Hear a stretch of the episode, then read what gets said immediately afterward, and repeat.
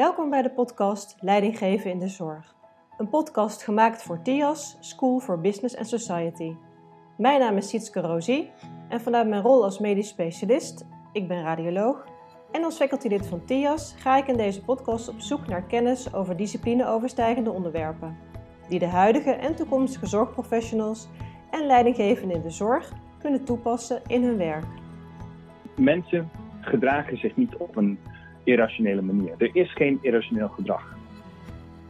In deze aflevering spreek ik met Roemer Visser. Hij is executive professor bij TIAS en hij is gespecialiseerd in leiderschapsontwikkeling. Hij is dus docent, maar ook ICF gecertificeerd coach. Hij heeft zowel in Nederland als in de VS gewoond en gewerkt en is aan de VU in Amsterdam afgestudeerd in de arbeids- en organisatiepsychologie. En is in de VS gepromoveerd in de Human Resource Development. We beginnen met een paar vragen over het effect op leiderschap dat corona heeft. In deze crisis is crisismanagement natuurlijk belangrijk en je ziet verschillende leiderschapsstijlen om je heen. In de zorg zie je bijvoorbeeld uh, directief leiderschap. Er is niet veel tijd voor discussie, er moet gehandeld worden. En ik vroeg aan Roemer hoe hij dat ziet in een wat breder aspect. De eerste gedachte die bij me opkomt is het is waar dat in een crisissituatie uh, het belangrijkste is dat er wordt gehandeld.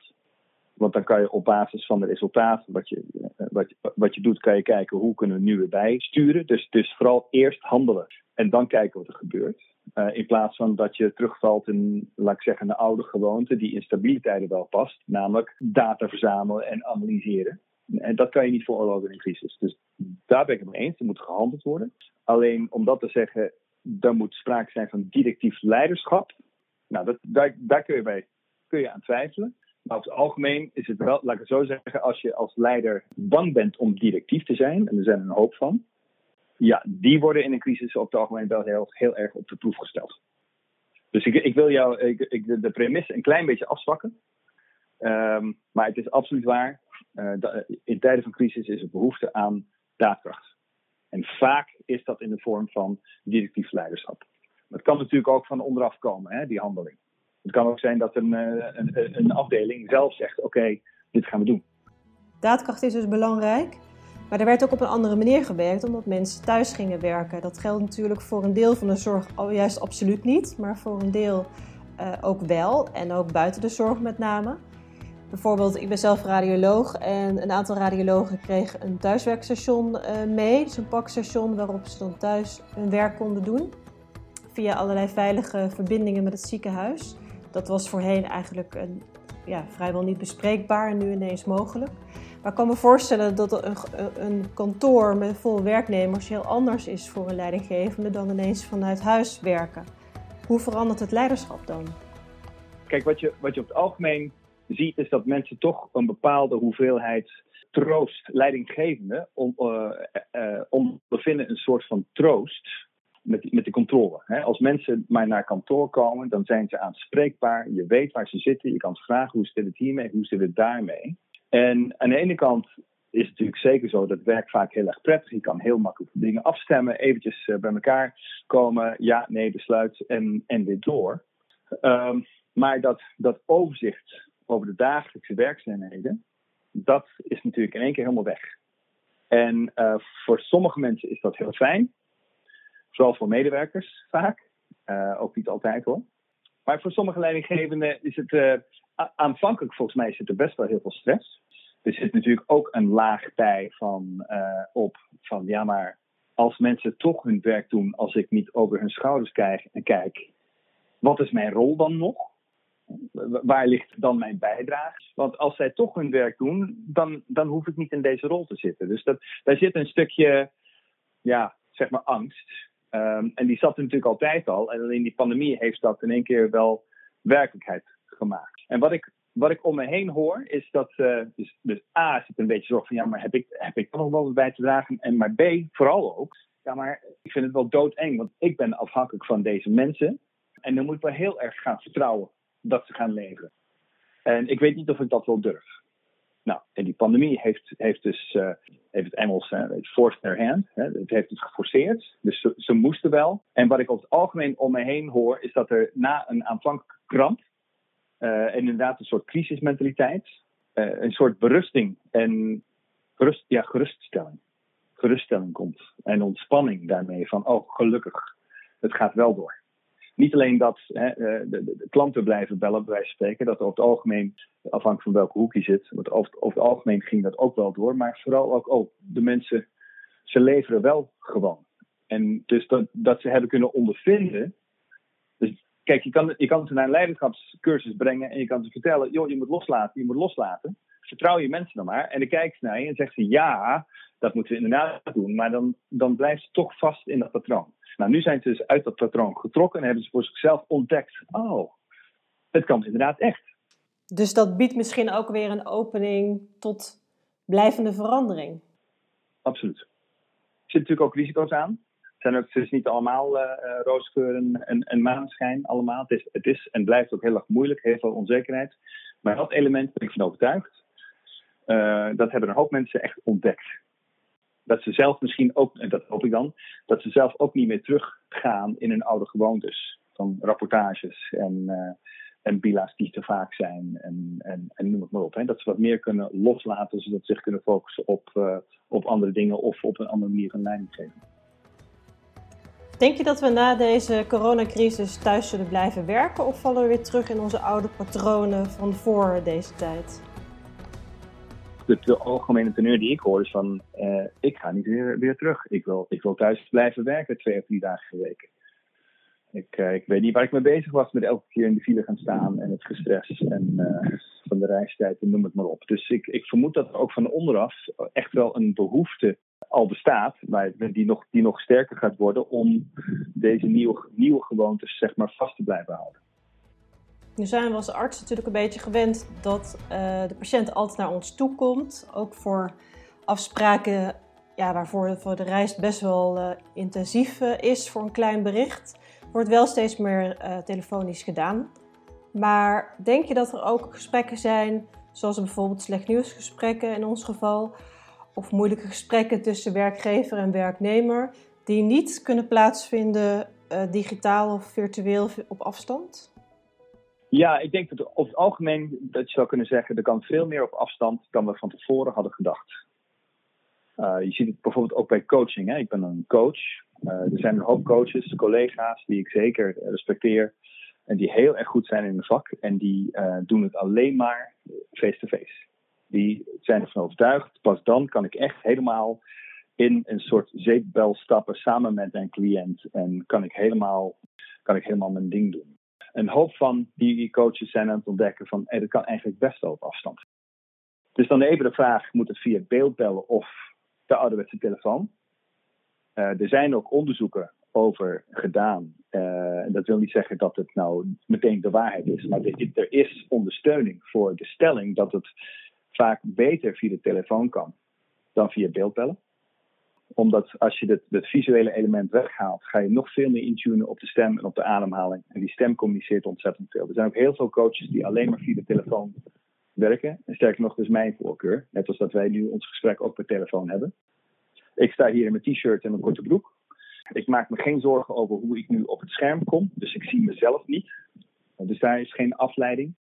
En als ik echt in een, uh, een soort van uh, denkspace wil terechtkomen, dan helpt het voor mij om, het klinkt misschien heel raar, om een beetje rond te lopen. Een beetje ijsberen. Gewoon een andere, het is een andere manier van het aangaan met die verbinding. Um, en dat even een voorbeeld. Ik wil niet zeggen dat het uh, nou um, telefoon beter is dan beeldbellen.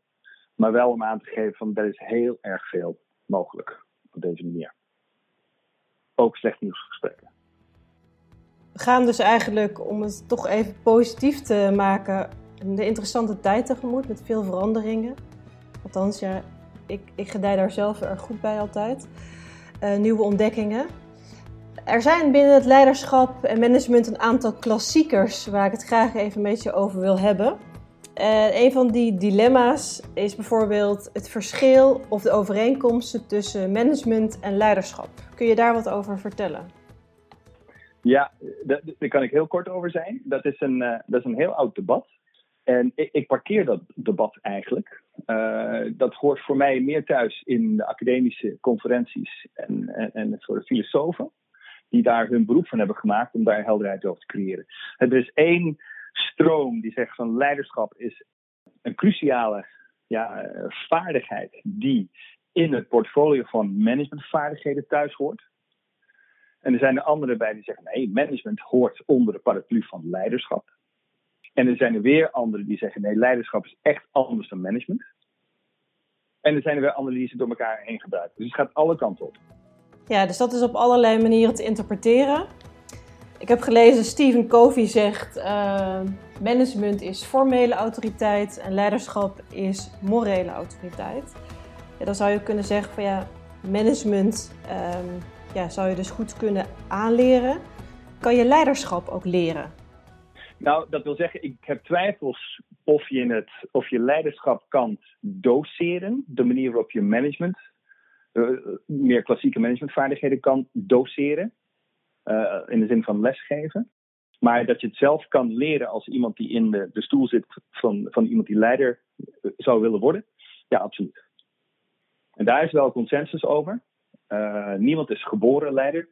Wat wij vaak zien, hetzelfde als met uh, gesprekken over talent. Oh, dat is een natuurtalent. Uh, neem even als voorbeeld Tiger Woods of een oh, die, bekende baas, Michael Jordan. Je ziet hem en je denkt van, nou, dat zou ik nooit, dat is echt een natuurtalent. Maar wij zien, wij kunnen talent niet waarnemen. Het enige wat wij kunnen waarnemen, als je echt eventjes eerlijk bent met jezelf, het enige wat wij kunnen waarnemen, is vaardigheid. Dus wat wij zien, als wij hele, uh, iemand zien die heel erg vaardig is, heel erg goed is in wat hij doet, heel veel bereikt, zeggen wij talent. Vergeten dat er een enorme ontwikkeling aan vooraf is gegaan. Ook Michael Jordan heeft het moeten leren. En of Steve Jobs nou je voorbeeld is van een ideale leider of niet, ook hij heeft het moeten leren en ook hij heeft uh, ook heel uh, openbaar bekende fouten gemaakt. En het is een proces ook voor hem geweest van vallen en opstaan. Dus ja, zeker, iedereen kan het leren. Ja, dus iedereen kan het leren, maar wel door het te doen. Niet om aan de zijlijn te blijven staan wijzen naar anderen die het doen. Ja, je gaat het niet leren door in de, in de tribune te blijven zitten en de uh, commentaar te leveren op hoe goed uh, anderen het wel of niet doen. En daar zijn we op het algemeen heel erg goed in, het, het formuleren van meningen ergens over. Als we bij meningen komen, dan komen we ook bij het volgende dilemma. Dat is uh, cultuur en strategie. Welke is belangrijker, welke is sterker? Uh, wat zijn de verschillen? En waar kun je je op richten als leider? Dat hangt een beetje af. Kijk, ik ben, ik ben geen strategie-expert. Uh, dus ik, ik moet eruit kijken dat ik niet te veel buiten mijn, mijn perken treed. Maar het hangt een beetje af van wat je bedoelt met strategie. als, als strategie het document is wat je produceert als zeg maar topmanagement en vervolgens presenteert aan je, aan je organisatie. En dat, zo wordt strategie nog steeds wel heel vaak uh, behandeld eigenlijk. De strategie zit in het document. Ja, dan, um, dan ben ik het eens met Peter Drucker, hè, die bekende uitspraak: uh, Culture eats strategy for breakfast. Maar als je luistert naar Ron Meijer, uh, Ron Meijer zegt nee, strategie is niet het document. Strategie is het proces van hè, uh, besluiten, niet alleen besluiten waar je heen wil, maar ook het proces van mensen met je meekrijgen. En daar zit dan natuurlijk al een stukje cultuur in verweven. Dus die, die, die uh, nuance wil ik even aanbrengen. Als je mij vraagt wat is, wat is uiteindelijk resistenter, is het strategie of cultuur? Dan zeg ik nou cultuur. Cultuur zie ik meer als een systeem dat op het moment dat het bestaat, uh, dus bijna het menselijke lichaam als, als metafoor, hè, met een eigen immuunsysteem. Je doet een bepaalde interventie en dan komt er een immuunsysteem op gang die die interventie weg wil halen. Even een heel simpel voorbeeld. Er is een leidinggevende die uh, gaat op cursus, een leid, uh, uh, voor de leiderschapscursus, en die ziet bij wijze van spreken het, het licht. Die komt helemaal getransformeerd, komt die terug en die zegt tegen de medewerkers: vanaf vandaag wordt het allemaal anders. Dit gaan we doen, dat gaan we doen, dat gaan we doen. En er is geen twijfel aan bij de medewerkers dat hij het ook echt meent. Alleen, wat er is gebeurd, is die medewerkers zeggen dan vervolgens tegen elkaar bij het koffiezetapparaat: Nou, ze is weer op cursus geweest hoor. Ik geef er drie weken. tot we, tot we haar weer terug hebben. En dan gaan we weer door. En dat is dus een, een heel simpel, maar wel een voorbeeld van een soort van immuunsysteem. Ehm, dat je bij cultuur wel ziet, uh, sterker ziet dan, dan bij strategie. Een strategie formuleren is relatief makkelijk. En wat zou jij die leidinggevende die op cursus is geweest adviseren om wel te doen om een bepaalde beweging in te zetten? Um, ik zou, ik een beetje gechargeerd, maar als iemand terugkomt van een cursus en vervolgens gaat verkondigen, gaat prediken als, als een Mozes die van de berg afkomt, dan zou ik zeggen, jouw cursus is nog niet klaar. jij, hebt, uh, jij hebt zelf zeg maar, het licht gezien. Je hebt iets gezien waar je, je echt op aangaat. En dat is echt essentieel. Hè? Je bent geïnspireerd. En dus ik wil daar niks aan afdoen. Alleen je bent het prediken. En daar ga je mensen niet mee bereiken. Het echte werk is een beetje tweeledig. Aan de ene kant, dit, dit is waar ik voor sta. Dit is wat voor mij belangrijk is. En dat is zeg maar het, het predikstuk. Mensen moeten ook weten wat ze aan je hebben, waar je voor staat.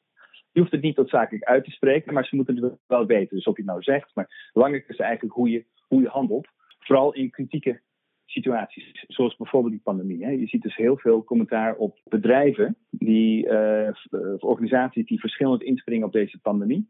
En daarin volgens sommigen hun ware aard een beetje laten zien. Hè. De, die kiezen de kant van de klant of die kiezen de kant van de medewerker. En dat zijn dingen waar je heel lastig van afkomt. Dus het, het, gaat, om, het gaat om je gedrag, niet om wat je verkondigt. Oké, dat is één.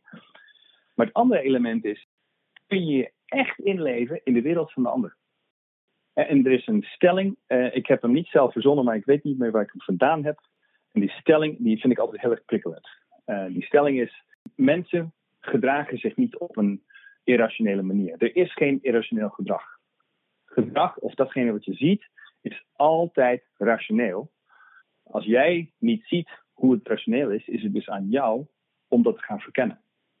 Want het, als je zegt het is irrationeel, betekent gewoon dat je hun belevingswereld nog onvoldoende begrijpt. Als je hun belevingswereld echt begreep, zou je zien: oh, oh, nou snap ik waarom je dat doet, of nou snap ik waarom je dat zei. En hoe leer je dan de belevingswereld van de ander beter kennen? Want de ander moet dat ook toelaten. Om jou daardoor te laten inzien hoe dat gedrag ontstaan is ja, door je in te leven in de wereld van de ander en vooral vragen te blijven stellen. Maar het begint bij het werk van binnen. Kijk, even terug van hoe krijg ik mijn mensen nou mee? dat is een vraag die je heel veel hoort. Vaak zit daarachter al een soort van diagnose, als ik het zo mag zeggen, van er is weerstand of er gaat weerstand komen. En de verklaring, ook weer niet uitgesproken, impliciet de verklaring voor die weerstand is, ze willen niet. Als je vanuit ze willen niet de mensen, je mensen wil gaan motiveren om toch maar mee te gaan, ja, dan kan ik je nu al gaan vertellen hoe dat gaat lopen. Stel je voor, jij bent mijn medewerker en ik vind jou niet gemotiveerd. Dat is mijn conclusie over jou. De grote kans dat jij jezelf helemaal niet ongemotiveerd vindt. Misschien ben je boos, verbolgen over iets wat is gebeurd, of je bent je vertrouwen kwijt in iets, of wie weet wat er aan de hand is. Maar de kans is groot dat jij jezelf niet ziet als iemand die niet gemotiveerd is. Maar ik heb besloten dat jij niet gemotiveerd bent. Ik op leiderscursus, leiderschapscursus. En ik vraag een docent: Goh, vertel eens wat ik, uh, wat ik nou met die Sietke moet doen, want ze is niet gemotiveerd. En ik wil haar zo graag motiveren. Ja, het maakt niet uit wat je zegt, want wat ik zeg. Want als ik vervolgens een gesprek aanga met jou vanuit het perspectief van jij bent niet gemotiveerd, ofwel er is iets mis met jou, dan kan het nog zo aardig zijn. Ik wil helpen, betekent feitelijk van ik wil jou fixen, ik wil jou repareren, er is iets mis met jou. En dat communiceert natuurlijk. En je, je voelt donders goed dat ik al mijn mening over jou klaar heb. En dat geeft stress en daar komt dan de weerstand vandaan. Ik zou het ook fijn vinden als ik op die manier werd benaderd. Dus dat ik eigenlijk al in een hoekje word gezet aan de hand van een van de diagnose en dat vanuit dat hoekje dat ik dan de helpende hand moet aannemen. Dat voelt niet goed. Maar het is dus omdat ik als leidinggevende onvoldoende de moeite heb genomen om jouw wereld wat beter te begrijpen. En dat is dat, dat is dat intermenselijke spul. Er is dus een relatie tussen collega's onderling, maar ook tussen leidinggevende en de collega's. Maar dan heb je bij ziekenhuisfusies heel vaak dat groepen uh, zorgprofessionals ineens samen moeten gaan werken. En dan zie je toch dat daar vaak te weinig aandacht aan wordt besteed. En ja, dan ongeveer 8 van de 10 keer zie je toch wel cultuurclash. En de fusies zijn nu redelijk over, maar de afgelopen 20 jaar is er heel veel gefuseerd tussen ziekenhuizen. Dat had natuurlijk met name een oorsprong in uh, kwantiteit en kwaliteit verbeteren. Het blijkt uit menig onderzoek dat dat niet helemaal eruit is gekomen, die verbetering van de ja, financiële winst en verbetering van de kwaliteit. Maar er wordt wel vaak de cultuurclash genoemd die daarbij uh, is ontstaan. Ja, er is vaak ook sprake van uh, affectieve verwaarlozing, heb ik een uh, ziekenhuisbestuurder na een grote fusie horen zeggen. Ja, en dan is het toch jammer dat het toch zo vaak misgaat in dat soort situaties. Kan je daar iets over zeggen, over groepen die moeten fuseren? Ja, nou, het, het, het valt nog mee dat het twee keer goed is gegaan. Wat, wat ik zeg vanuit mijn perspectief, dat is oliedom. Want er zit een enorme blinde vlek. Ik heb, uh, ik heb een keer werk gedaan met een bedrijf dat ook het resultaat was van een fusie. 25 jaar voor die cursus die ik mocht doen. 25 jaar geleden was er een fusie geweest. En nog steeds hadden ze het over bloedgroepen. Dus nog steeds werden mensen gecategoriseerd uit welk oorspronkelijk bedrijf die persoon kwam. 25 jaar later houdt dat nog stand. Je hoort het in de taal. Uit welke stal kom je? Hè? Bloedgroepen. Nou, allerlei, allerlei variaties erop. En daar zit natuurlijk het probleem. Maar waar ik mee wil beginnen is dat over het algemeen dit soort aanpakken worden gedreven door, wat ik zou zeggen, een, een business imperative. Hè? Er moet, iets, er moet een efficiëntieslag worden gehaald. Of de, hè, en dat is allemaal legitiem. Er is echt niks mis mee. Maar in in dat streven om dat te bereiken, is impliciet een soort veronderstelling uh, wordt gehanteerd dat mensen uitwisselbaar zijn. Hè, we, zijn allemaal poppetjes. En als, e, als één poppetje niet functioneert, dan haal je hem weg en zet je een andere erin. En, wat, wat, en soms is dat ook terecht natuurlijk. Hè? Maar waar het wel aan voorbij gaat, is het feit dat het allemaal netwerken zijn van relaties. Je kan het ook noemen tribe. Het woord tribe het begint uh, steeds populairder te worden. Hè? Het, zijn het zijn allemaal van die, van, die, van die corporate tribes. Wie is kudde? Ik gebruik graag het woord kudde. We zijn sociale dieren. Wij zoeken allemaal een soort veilig thuishaven op. En soms is onze kudde onze afdeling. Soms is onze kudde onze organisatie. Als je wordt samengevoegd met een andere organisatie die, waar je eerst mee concurreerde, nou dan kun je op je klompen aan gaan voelen dat dat wordt voorlopig nog niet je kudde. Dan zou je eerst wat werk moeten gaan doen. Dus er zit heel veel natuurlijk in de, in de communicatie daaromheen en transparantie over het proces. Er zijn allerlei beelden die we in gaan kruipen. Van, oh, die krijgt, uh, die krijgt uh, voorkeursbehandeling en wij zijn, wij zijn het slachtoffer. En voor je het weet krijg je een soort gedeelde Calimero-beleving. Want ze praten elkaar allemaal na bij het koffiezetapparaat. En dan wordt het werkelijkheid. En dan is er dus de, blijkbaar is het geen fusie meer van gelijk, maar er staat de grote boze wolf van de deur. Die zit gewoon te wachten tot, tot hij zijn slag kan slaan. Weet je. Dat soort dingen ga je allemaal krijgen. En dat is natuurlijk allemaal puur angst. Maar het is ook omdat mensen vaak niet meer weten waar ze dan thuis horen. En dan ja, onder angst, onder stress, uh, krimpen ze. Klampen ze vast aan wat ze kennen en wat ze niet willen opgeven. En voor de buitenstaander uh, manifesteert zich dat als weerstand, waar we dan vervolgens weer doorheen willen breken. Dus het zit hem in die, in die relaties. En dat is eigenlijk uh, de essentie van het werk wat ik doe. Als ik, als ik het heb over leiderschap, uh, en, en management. Misschien, hè, misschien zou dat een, een onderscheid kunnen zijn. Leiderschap is namelijk relationeel. Je bent manager op basis van het gezag dat je hebt gekregen van de organisatie. Je hebt het gezag om mensen aan te nemen of niet. Je hebt het gezag om beslissingen, financiële beslissingen te maken, noem het maar op.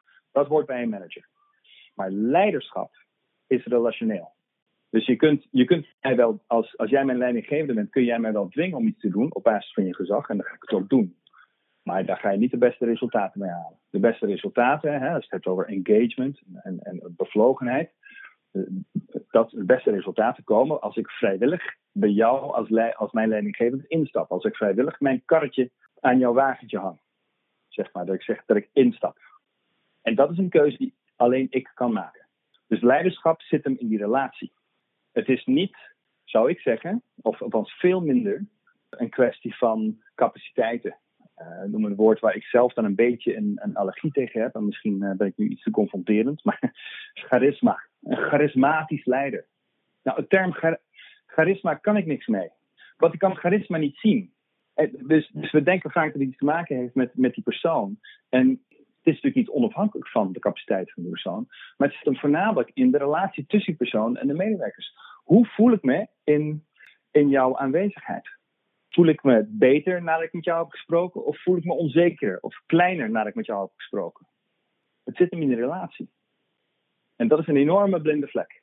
Dus je kan iemand hebben die uh, in de, zeg maar, volgens objectieve criteria niet goed of niet voldoende presteert.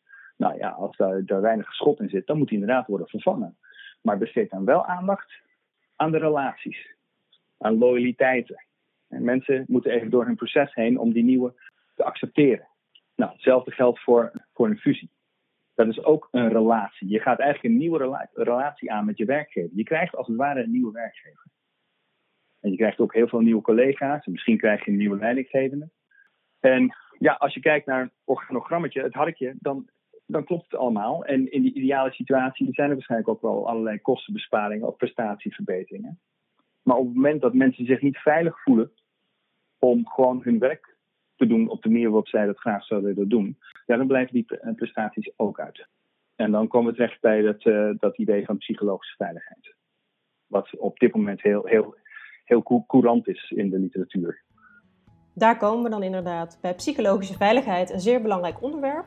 En daar gaan we volgende keer mee verder in deel 2 van deze podcast over leiderschap met Roemer Visser.